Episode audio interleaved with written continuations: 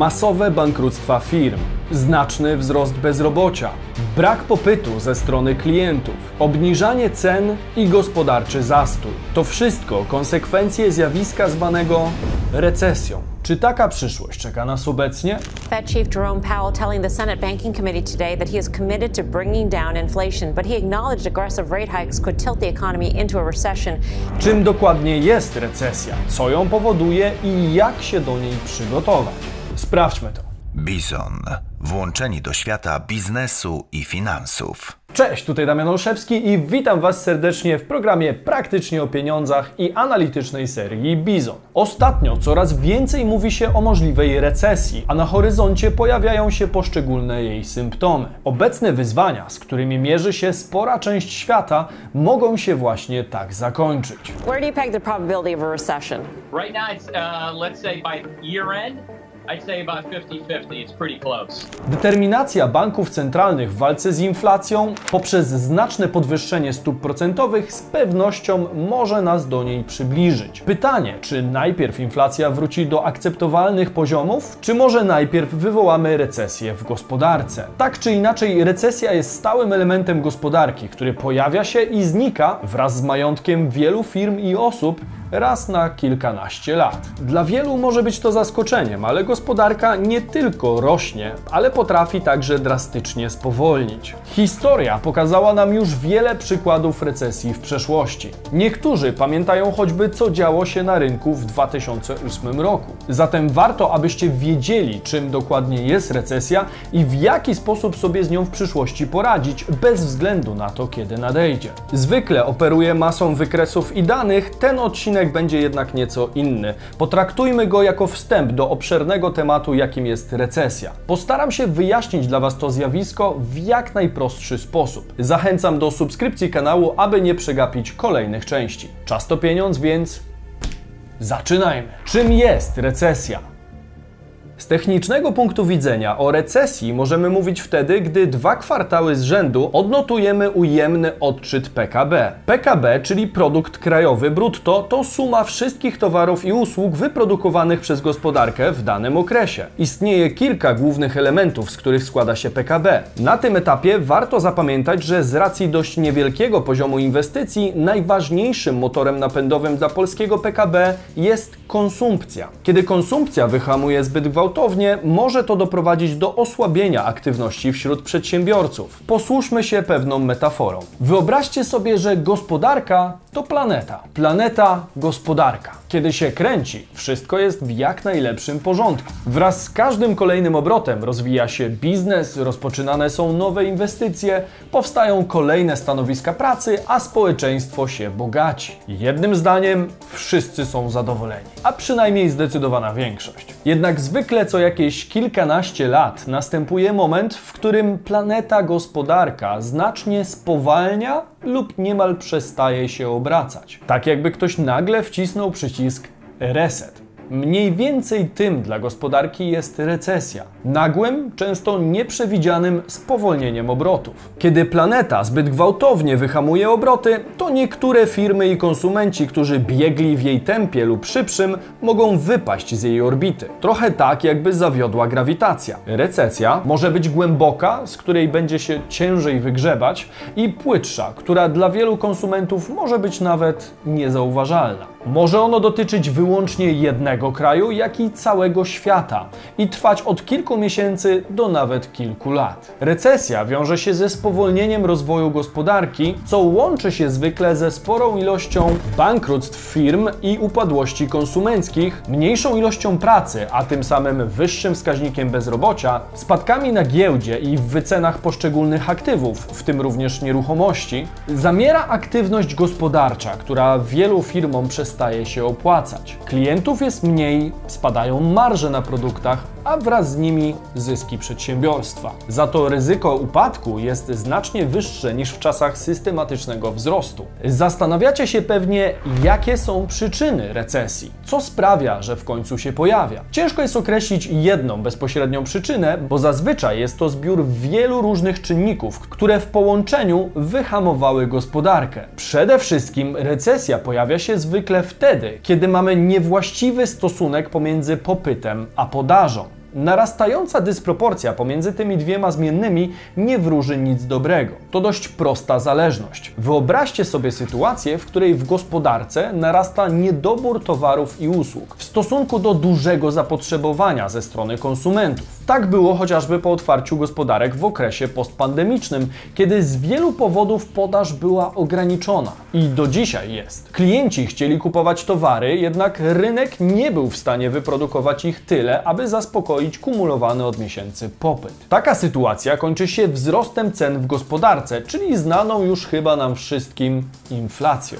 Jedną z jej przyczyn w postaci nadpodaży pieniądza na rynku opisałem w poprzednim odcinku, który możecie znaleźć tutaj. Inflacja na niskim poziomie może służyć jako stymulator konsumpcji. Jeżeli jednak wymknie się spod kontroli, może doprowadzić do sytuacji, w której ceny będą rosły w tempie nieakceptowanym dla konsumenta, a popyt zacznie zanikać, prowadząc do gospodarczego spowolnienia. Jak mogłoby do tego dojść? Prześledźmy sobie historię przykładowego przedsiębiorcy, właściciela fabryki zabawek. Może nawet znajdziecie w niej odrobinę podobieństwa do obecnej sytuacji. Właściciel fabryki sporo wycierpiał podczas pandemii. Jego możliwości swobodnego wykonywania działalności były wielokrotnie ograniczane przez lockdowny, liczne kontrole i kwarantanny wśród pracowników. Kiedy gospodarka w końcu się otworzyła, na szczęście dla niego nastąpiło znacznych rozmiarów ożywienie gospodarcze. Z mroków pandemicznych zastojów wróciliśmy na tory ekonomicznego wzrostu. Tak przynajmniej mogło to wyglądać, jeżeli ktoś nie spojrzał pod pierzynę z dodrukowanych pieniędzy,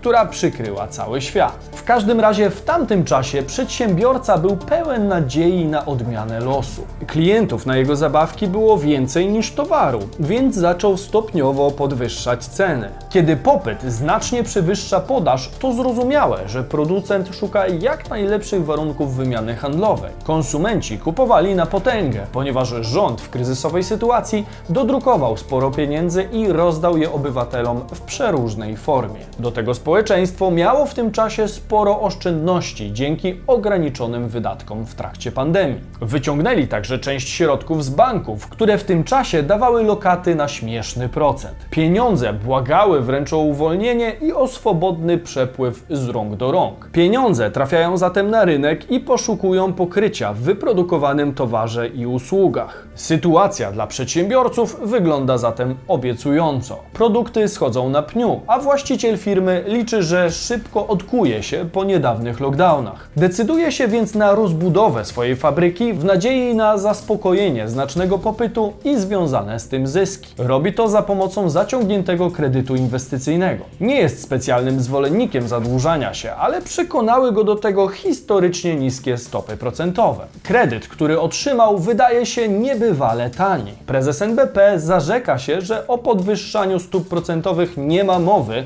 i że trzeba w tym momencie pobudzić gospodarkę. Przedsiębiorca uznaje więc, że przy obecnych marżach na towarze, boomie popytowym i planach ożywienia gospodarki ze strony państwa może sobie pozwolić na wsparcie rozwoju firmy kapitałem z banku. Niedługo później przychodzi jednak szereg trudności. Jego możliwości produkcyjne ograniczają przerwane łańcuchy dostaw, z którymi problem pojawił się od czasu lockdownów i tarć na linii USA-Chiny. Część składowych do jego produktów nie jest w stanie dotrzeć do fabryki we właściwych terminach. Produkcja przeciąga się w czasie. Problemy w tym obszarze potęguje wybuch wojny na Ukrainie. Zaczyna brakować półprzewodników i wielu innych istotnych komponentów produkcji. Na domiar złego pojawiają się zaburzenia w obszarze energetyki i dostaw surowców, które zostały wykorzystane jako element gry geopolitycznej. Dla właściciela fabryki przekłada się to na jeszcze wyższe koszty produkcji, spowodowane wyższą ceną paliwa, energii elektrycznej czy gazu. Musi także walczyć z dostawcami, aby części jego produktów w końcu pojawiły się w fabryce. Wzrost kosztów życia odczuwany jest także przez pracowników przedsiębiorcy, którzy z tego powodu domagają się podwyżki wynagrodzenia. Do tego rata kredytu, jaką płacił za rozbudowę fabryki, z niewielkiej kwoty początkowej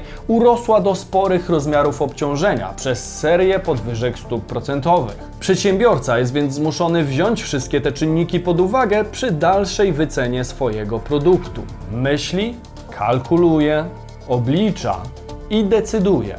Cena jego towarów drastycznie rośnie. Oczywiście odbywa się to stopniowo. Podobny proces podwyższania cen zauważa zresztą u swoich kolegów z innych branż. Znajomy z branży motoryzacyjnej skarży się na brak półprzewodników i pozamykane fabryki, przez co nie może sprowadzić auta dla klienta. Piekarz narzeka na drastyczne podwyżki cen zboża na światowych rynkach i ceny u rolników, co przekłada się na cenę jego pieczywa. Rolnicy skarżą się na drastyczne podwyżki cen nawozów i marże narzucane przez pośredników skupujących od nich towar. Właściciel restauracji mówi, że ma już dosyć braków kadrowych i ciągłych podwyżek w cenach żywności od producentów. Podczas rozmowy wszyscy zauważają także, że ich problemy mają wiele punktów wspólnych. Każdy z nich odczuwa wzrost kosztów zatrudnienia, kosztów paliwa, energii, gazu oraz zwiększone koszty obsługi swojego zadłużenia, jeżeli takowe posiada. Podobną wybrali również ścieżkę radzenia sobie z tymi trudnościami. Każdy z nich sukcesywnie przerzuca zwiększone koszty działalności na końcowego konsumenta, podwyższając cenę swoich towarów tak aby dalej opłacało się im prowadzić biznes i podejmować związane z tym ryzyko. Ta sztuka udaje im się przez pewien czas, ale przy każdej kolejnej podwyżce cen powyżej pewnego poziomu zauważają niepokojące zjawisko. Przychody rosną wolniej, a popyt zaczyna się ochładzać. Słowem, klienci kupują coraz mniej. Co jest tego powodem? Konsumenci także odczuli skutki wciąż rosnącej inflacji w swoich portfelach. Z każdą kolejną wizytą w sklepie rósł w nich bunt względem tej sytuacji. Przy kasie, w markecie czy w restauracji coraz częściej można było usłyszeć nerwowe ile wypowiadane przez klienta sprawdzającego rachunek trzy razy z każdej strony. Ten sam klient często wychodził z lokalu obiecując sobie, że albo więcej już tu nie wróci, albo że musi coś z tym w końcu zrobić i ograniczyć wydatki. Bądź jedno i drugie. Innymi słowy, miarka się przebrała. Dajcie znać w komentarzu, czy sami doszliście do podobnych wniosków, co wspomniany klient. Można powiedzieć, że rynek w postaci pojedynczych klientów ustalił próg bólu co do cen. Coraz więcej osób miało dosyć. Konsument także ma swoje granice. Część z nich postanowiła kupować mniej, kupować rzadziej lub nie kupować wcale i ograniczyć wydatki. Nie dość, że ceny w gospodarce rosły bardzo szybko, to jeszcze konsumenci odczuli wyższe raty swoich kredytów. Tym samym po opłaceniu zobowiązań pozostało im mniej pieniędzy do rozdysponowania. Na domiar złego, grupa klientów, która wcześniej uznała oszczędzanie za głupotę przy tak kiepskim oprocentowaniu, zaczęła dostrzegać poprawę oferty w bankach. Część pieniędzy z rynku zmigrowała zatem z powrotem do lokat i kont oszczędnościowych, zamiast wylądować w kieszeni przedsiębiorców. Większość z przedstawionych Wam wcześniej przedsiębiorców zaczęła odczuwać spadek zainteresowania swoimi produktami. Co w takiej sytuacji mógł zrobić nasz przykładowy właściciel fabryki? Pamiętajmy, że poziom cen w gospodarce na tym etapie zwykle nie wynikał z chciwości producentów. Wielu z nich, łącznie z właścicielem fabryki, mimo drastycznych podwyżek cen, nadal operowało na podobnych marżach jak do tej pory. Obecny poziom cen to wynik wielu różnych składowych, które obciążają koszty produkcji. Brakowało części do produkcji, więc ich pozyskanie było droższe. Pracownicy chcieli podwyżek. Podstawowe koszty utrzymania zakładu rosły wraz z cenami prądu, gazu i paliwa. A do tego bank centralny miesiąc w miesiąc podwyższał koszt obsługi długu. Nasz przedsiębiorca musiał więc się ratować poprzez obniżenie własnej aktywności gospodarczej. Zrobił to zwalniając 10% pracowników firmy i sprzedając część maszyn. Podobne rozwiązanie wybrało wielu innych przedsiębiorców i korporacji. Rosło więc bezrobocie. Zwolnieni pracownicy to jednocześnie konsumenci, którzy również mieli własne kredyty i wkład w popyt zakupowy na rynku. Obecnie mieli trudność ze spłatą zadłużenia i obcięli wydatki do zupełnego minimum, co również dołożyło cegiełkę do wyhamowania gospodarki. Nadeszła więc recesja. Widzicie jakieś podobieństwa do obecnej sytuacji? Na tym jednak nie koniec historii. Ważne, abyście pamiętali, że recesję można także wywołać w naszych głowach. Dużą rolę gra tutaj bowiem również aspekt psychologiczny. Coraz więcej powstaje materiałów o nadchodzącym superkryzysie czy głębokiej recesji. W Stanach mówi się już nawet o tym, że recesja nadejdzie na pewno. Pytanie tylko, jak głęboka będzie.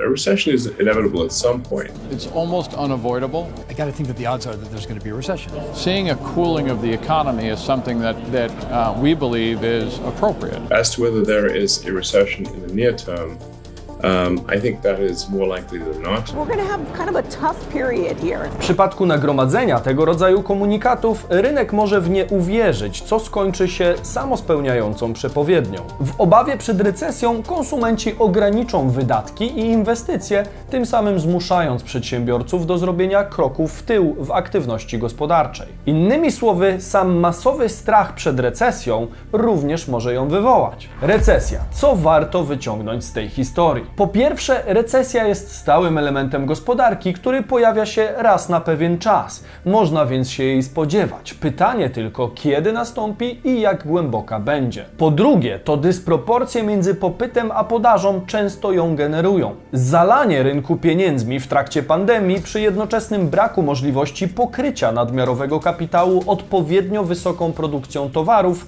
może destabilizować relacje pomiędzy popytem a podażą. Po trzecie, podczas walki z inflacją banki centralne drastycznie podwyższają koszty kredytu, a co za tym idzie, zmuszają nas do obcinania innych wydatków z racji wysokiej raty. Jak widać, władza może więc w pewien sposób sterować nastrojami konsumentów i dopasowywać je do obecnych potrzeb. Pytanie, do jakich poziomów dojdą stopy i jak bardzo ochłodzi to popyt wśród konsumentów. Jeżeli NBP nie przestanie ich podwyższać w porę, to może dojść do gwałtownego wyhamowania aktywności gospodarczej w Polsce. To z kolei mogłoby zakończyć się licznymi zwolnieniami w firmach, podobnie jak w przykładowej historii właściciela fabryki. Po czwarte, recesja w różnych krajach może wyglądać zupełnie inaczej. Mimo widocznego spowolnienia w Stanach i w Chinach, nie jest wcale powiedziane, że u nas ten proces będzie wyglądał dokładnie tak samo. Spadek PKB wcale nie musi być w Polsce drastyczny, a głównym problemem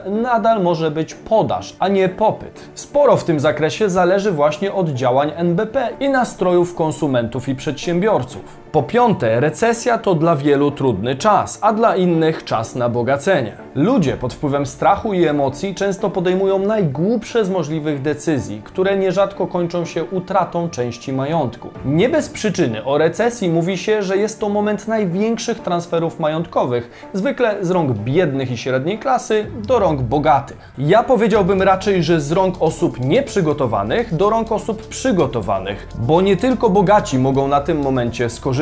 Recesja to powtarzający się historycznie element gospodarki i choć za każdym razem przychodzi w nieco odmienionej formie, to wierzę, że w pewnym stopniu da się do niej przygotować. Jak uchronić się przed skutkami recesji? Jak się do niej porządnie przygotować, aby nie stracić, a może i sporo na niej zarobić? O tym opowiem w kolejnych odcinkach serii. Na koniec pytanie do Was. Mamy już otwarte trzy miniserie tematyczne o kosztach wojny, o inflacji i o recesji. Którą z nich chcielibyście kontynuować najpierw? Dajcie znać w komentarzu i subskrybujcie kanał czerwonym przyciskiem na dole, aby nie przegapić żadnej z nich. Wiernych bizonów proszę o hashtag bizon w komentarzu jeśli doceniacie moją pracę i do zobaczenia w sobotę i niedzielę o 15.